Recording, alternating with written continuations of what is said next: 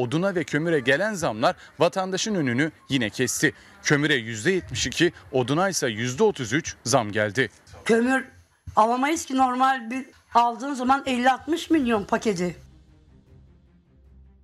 Türkiye artan kömür ve elektrik fiyatlarının altında ezildikçe ezilirken dünya kömürden tamamen çıkmayı konuşuyor. Neden mi? Çünkü iklim değişikliğini hızlandıran küresel sera gazı emisyonlarının yarısının kaynağı kömür. Dört nala giden iklim krizini yavaşlatmanın şartlarından biri de kömürü en kısa sürede azaltıp sıfırlamak. Türkiye'de elektrik üretiminin neredeyse üçte birinden fazlası kömürle çalışan termik santrallerinden sağlanıyor. Ayrıca kömür artan hava kirliliğine bağlı hastalık ve ölümlerin de sorumlusu. Peki Türkiye hem pahalı hem kirli bir enerji kaynağı olan kömürden vazgeçebilir mi? Enerjide ithal bağımlılığını sonlandırıp halka daha ucuz ve sürdürülebilir kaynaklar sağlayabilir mi? Arka planda bu hafta Türkiye'nin kömürden nasıl çıkabileceğini yapılan son araştırmalar eşliğinde değerlendiriyoruz. Hazırsanız başlayalım.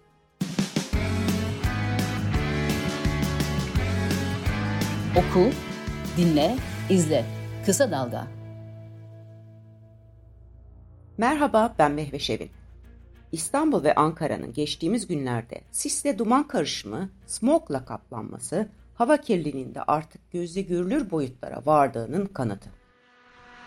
İstanbul'u etkisi altına alan sisin altında hava kirliliği yatıyor. İstanbul'da 2-3 gündür etkili olan sis sadece ulaşımı değil aynı zamanda insan sağlığını da tehdit ediyor. Nasıl mı? Sis ve hava kirliliği birleşince ortaya çıkan smog adı verilen zehirli havayla. Şu anda İstanbul'da e, görmekte olduğumuz e, durum e, aslında e, sistem biraz daha farklı. E, Karadeniz üzerinden gelen soğuk hava normalde hava kirli olmasaydı sadece sise neden olacaktı. Fakat kirli o sırada havanın kirli olduğu, havada asılı duran partikül maddelerin olduğu bir dönemde yaşandığı için e, kirli havanın yükselmesini, dağılmasını engelledi ve bir süredir e, havadaki sisin içerisinde e, sağlığımıza tehdit oluşturan partikül maddeler de var. Dünya Sağlık Örgütü'nün hava kirliliği limit değerlerini İstanbul yaklaşık 3.4 kat, Ankara ise 3.8 kat aşmış vaziyette. Hava kirliliği erken ölümde astım, inme, akciğer kanseri, depresyon, şizofreni, erken doğum gibi pek çok sağlık riskini de yükseltiyor. Hava kirliliğinin nedenleri arasında kömür kullanımı, egzoz gazları ve sanayi tesislerinin yarattığı kirlilik var. Evet bildiniz, mesele yine iklim krizine ve karbon emisyonuna bağlanıyor. Bu hafta sona yaklaşan BM İklim Değişikliği 26. Taraflar Toplantısı yani COP26'da konuşulan en önemli maddelerden biri kömürden çıkış. COP26'da ülkeler arası müzakereler cumartesi günü tamamlanacak. Fakat toplantılar sürerken Glasgow'dan İstanbul sokaklarına her yerde müzikli, sloganlı eylemler devam ediyor. İklim aktivistleri dünya liderleri ve şirketlerini yeterli önlemleri almamakla suçluyor.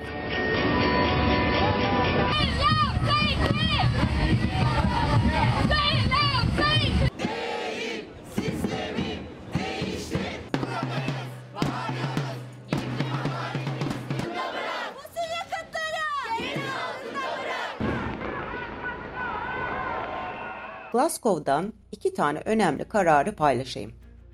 Birincisi Ormanlar ve Toprak Kullanımı Deklarasyonu. Buna göre aralarında Türkiye'nin de olduğu yüzden fazla ülke ve AB 2030'a kadar ormansızlaşmayı durdurma ve tersine çevirme taahhüdü verdi. Deklarasyon Amazon yağmur ormanları ve Endonezya ile Kongo havzasındaki tropik ormanları korumak için yaklaşık 14 milyar dolarlık kamu ve özel fon ile destekleniyor. Türkiye'nin ormansızlaşmayı nasıl önleyeceği ise henüz bir muamma. İkinci önemli gelişme 46 ülkenin kömürden temiz enerjiye küresel geçiş deklarasyonu yayımlaması oldu. Aralarında kömürü çok kullanan Polonya, Güney Kore, Endonezya ve Vietnam gibi ülkeler de var. Ancak ABD, Çin ve Avustralya gibi büyük kirleticiler gibi Türkiye'den de henüz ses çıkmadı. Deklarasyon yeni kömür yatırımlarını sonlandırmayı, temiz elektrik üretimini hızlandırmayı, elektrik üretiminde kömürden çıkmayı ve bu dönüşümden etkilenecek kömür işçileri ve bölgelerini gözetmeyi taahhüt ediyor. Paris Anlaşması'nı yeni onaylayan Türkiye'de 2030'a kadar karbon emisyonlarını azaltacağını, 2053'te sıfırlayacağını açıklamıştı. Ancak mevcut politikalarla iktidarın bunu nasıl yapacağı meçhul. Kömürden vazgeçmek kulağa imkansız gibi gelebilir. Zira ülkedeki elektrik üretiminin %35'inin kaynağı termik santrallerden. Ayrıca nispeten ucuz bir ısınma kaynağı olarak da kullanılıyor. Fakat günümüzde bu trend tersine döndü. 2021 yılında Türkiye'de doğalgaza %17.8, elektriğe ise %21.2 zam yapıldı. Yeni zamlar da kapıda. Türkiye elektrik ve doğalgazda Avrupa'nın zam şampiyonu.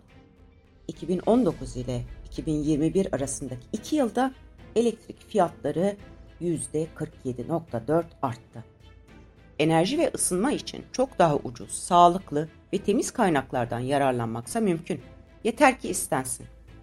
Unutmayın ki kömür kullanımı bir yönetim ve sermaye sorunu. Hükümetler kömür gibi fosil yakıtları teşvik eder. Hatta bizdeki gibi oy alma aracına dönüştürürse halk istese de istemese de kömüre yöneliyor. Bu da kirli yatırımlarla hızlı ve kolay para kazananların işine geliyor. Türkiye'de kömürün çoğu ithal olduğu için ucuz da değil. Türk lirası değer kaybettikçe kömürün ve elektriğin maliyeti şimdi olduğu gibi uçup gidiyor. Bağımsız İklim ve Enerji Kuruluşu Ember, Eylül'de ilginç bir çalışma yayınladı. Türkiye'de yeni rüzgar veya güneş enerjisi santrali kurarak elektrik üretmenin en verimli ithal kömür santrali ile kıyaslandığında dahi çok daha ekonomik hale geldiğini ortaya koydu. Mevcut koşullarda Türkiye'de kömür ithalatının maliyeti 2021'de yaklaşık 5 milyar ABD dolarına ulaşabilir ve yeni bir rekor kırabilir deniyor bu raporda. İklim alanında çalışan sivil toplum kuruluşları geçen hafta Türkiye kömürden çıkış tarihini açıklasın, kömürü teşvik etmeyi bıraksın çağrısını yaptı. Sivil toplum, hükümet ne kadar erken davranırsa toplumun o kadar kazançlı çıkacağına dikkat çekiyor. Kömürü nasıl bırakalım, millet donsun mu, elektrik kullanmayalım mı gibi itirazlar geleceğini biliyorum. Oysa sera gazı emisyonu kontrol edilir, kirletenler bedelini öderse ve kamu kaynağı desteği sonlanırsa bal gibi de kömürden çıkmak ve daha uygun fiyatla enerji almak mümkün. Üstelik yapılan son çalışmalar nükleer enerji olmadan da bu dönüşümün yapılabileceğini gösterdi. Ama iktidar nükleere ağırlık vereceğini açıklıyor. Cumhurbaşkanı Erdoğan, Türkiye'nin iklim politikalarında öncü olacağını, yeşil dönüşümü başlatacağını açıklamıştı. Fakat 9 Kasım'da yaptığı konuşmada ağaç kesimine karşı çıkan çevrecileri hedef aldı, nükleer enerji santrallerini 3'e çıkaracağını açıkladı. En temiz enerji kaynaklarına karşı çıkmanın çevreyle bir ilgisi olmadığı açıktır.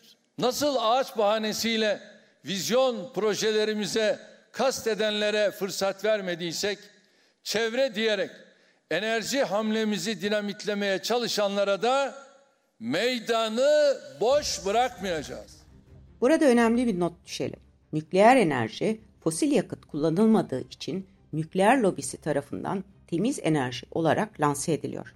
Ancak nükleer reaktörlerin kaza ve güvenlik riski, nükleer atıkların saklanması ve su soğutmak için deniz suyunu ısıtması nedeniyle nükleerde tercih edilmeyen bir opsiyon. Almanya 2022'ye kadar ülkedeki 17 nükleer santralin tamamını kapatıyor. İyi de Türkiye nükleer olmadan da kömürden çıkabilir mi?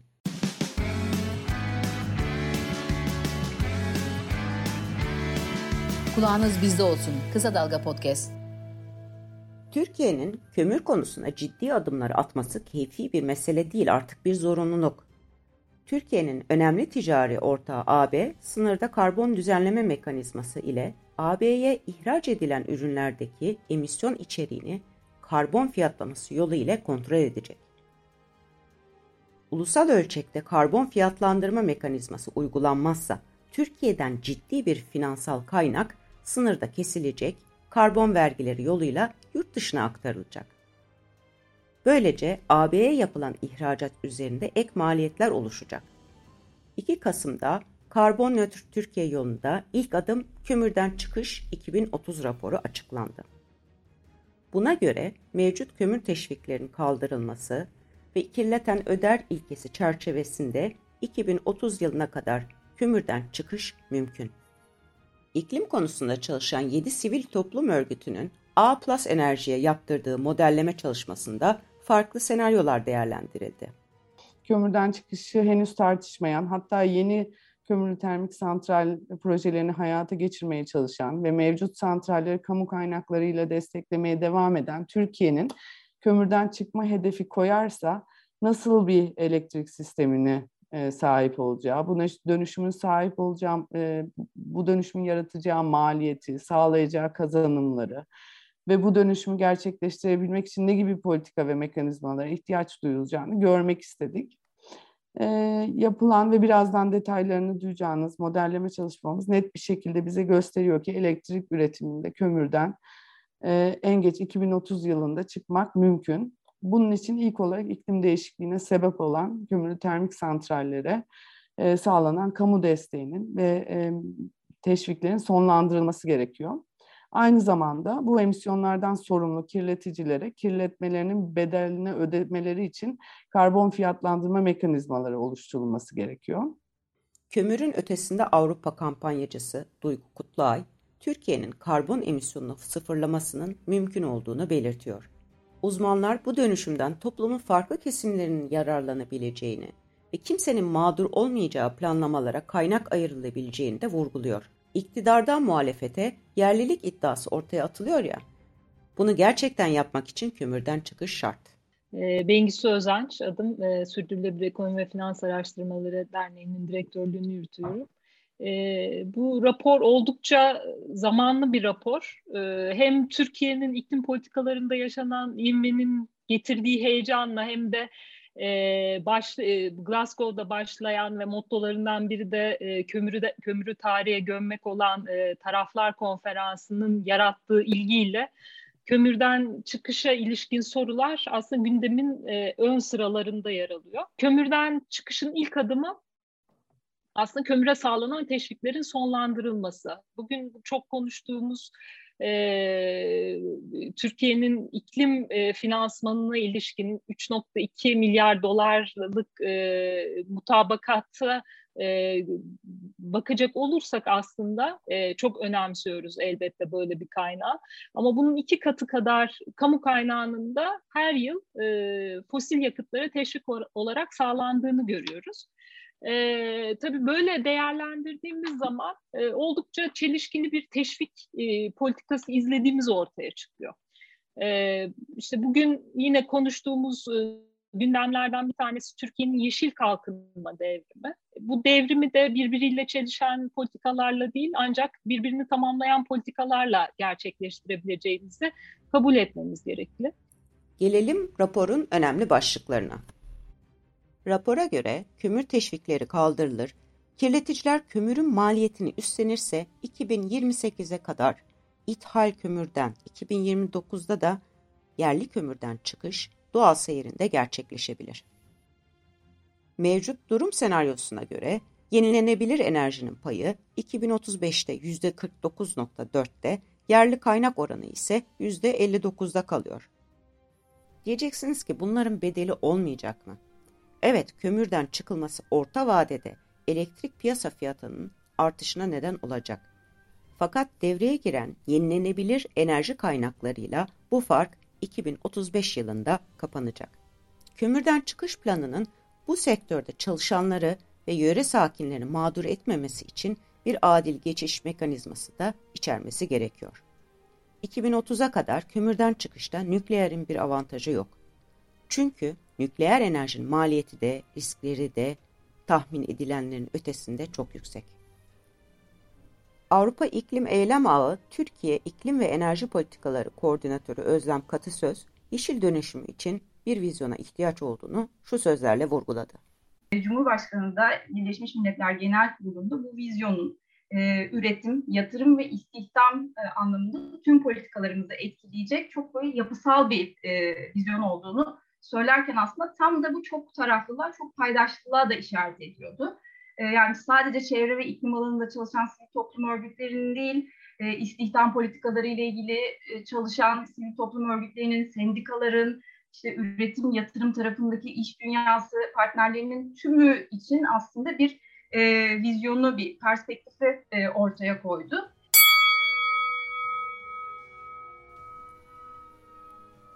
Türkiye'nin kömürden çıkışını işlediğimiz podcast'in sonuna geldik. Ümit ederiz karar vericiler de bu konuda en etkili adımları atar ve daha fazla insan mağdur olmaktan kurtulur. Arka plana haftanın sesi bölümüyle veda ediyoruz. and we have this famine as consequence, direct consequence from the negative impact of climate change. And actually, the real problem is that agriculture is very difficult without water. We have also now uh, movement of uh, climate migration from the south to the west part of the country or to the north part of the country. And the situation uh, won't be uh, Evet dinlediğiniz kişi Madagaskar Çevre Bakanı'ydı. Dünyanın en büyük 5. ada ülkesi olan Madagaskar, iklim krizi nedeniyle kuraklık ve göç dalgaları yaşandığını açıkladı. Belgesellerden hayranlıkla izlediğimiz Madagaskar'da dünyanın hiçbir yerinde bulunmayan hayvan ve bitki türlerinin geleceği de tehlike altında. Çevre Bakanı, Kuzey'in ucuz uçuş sevdası yüzünden ağır bedel ödediklerini söylüyor. Zira uçak yolculuğu da karbon emisyonlarına büyük katkıda bulunuyor. Haftaya COP26'nın sonuçlarını, iklim konusunda alınan ve alınmayan kararların önemini aktaracağız. Hoşçakalın. Kısa Dalga podcastleri Demet Bilge Erkasab'ın editörlüğünde Mehmet Özgür Candan'ın post prodüksiyonu ve Esra Baydemir'in hazırladığı görseller ile yayınlanıyor. Kısa Dalga'ya destek vermek için Patreon sayfamızı ziyaret edebilirsiniz.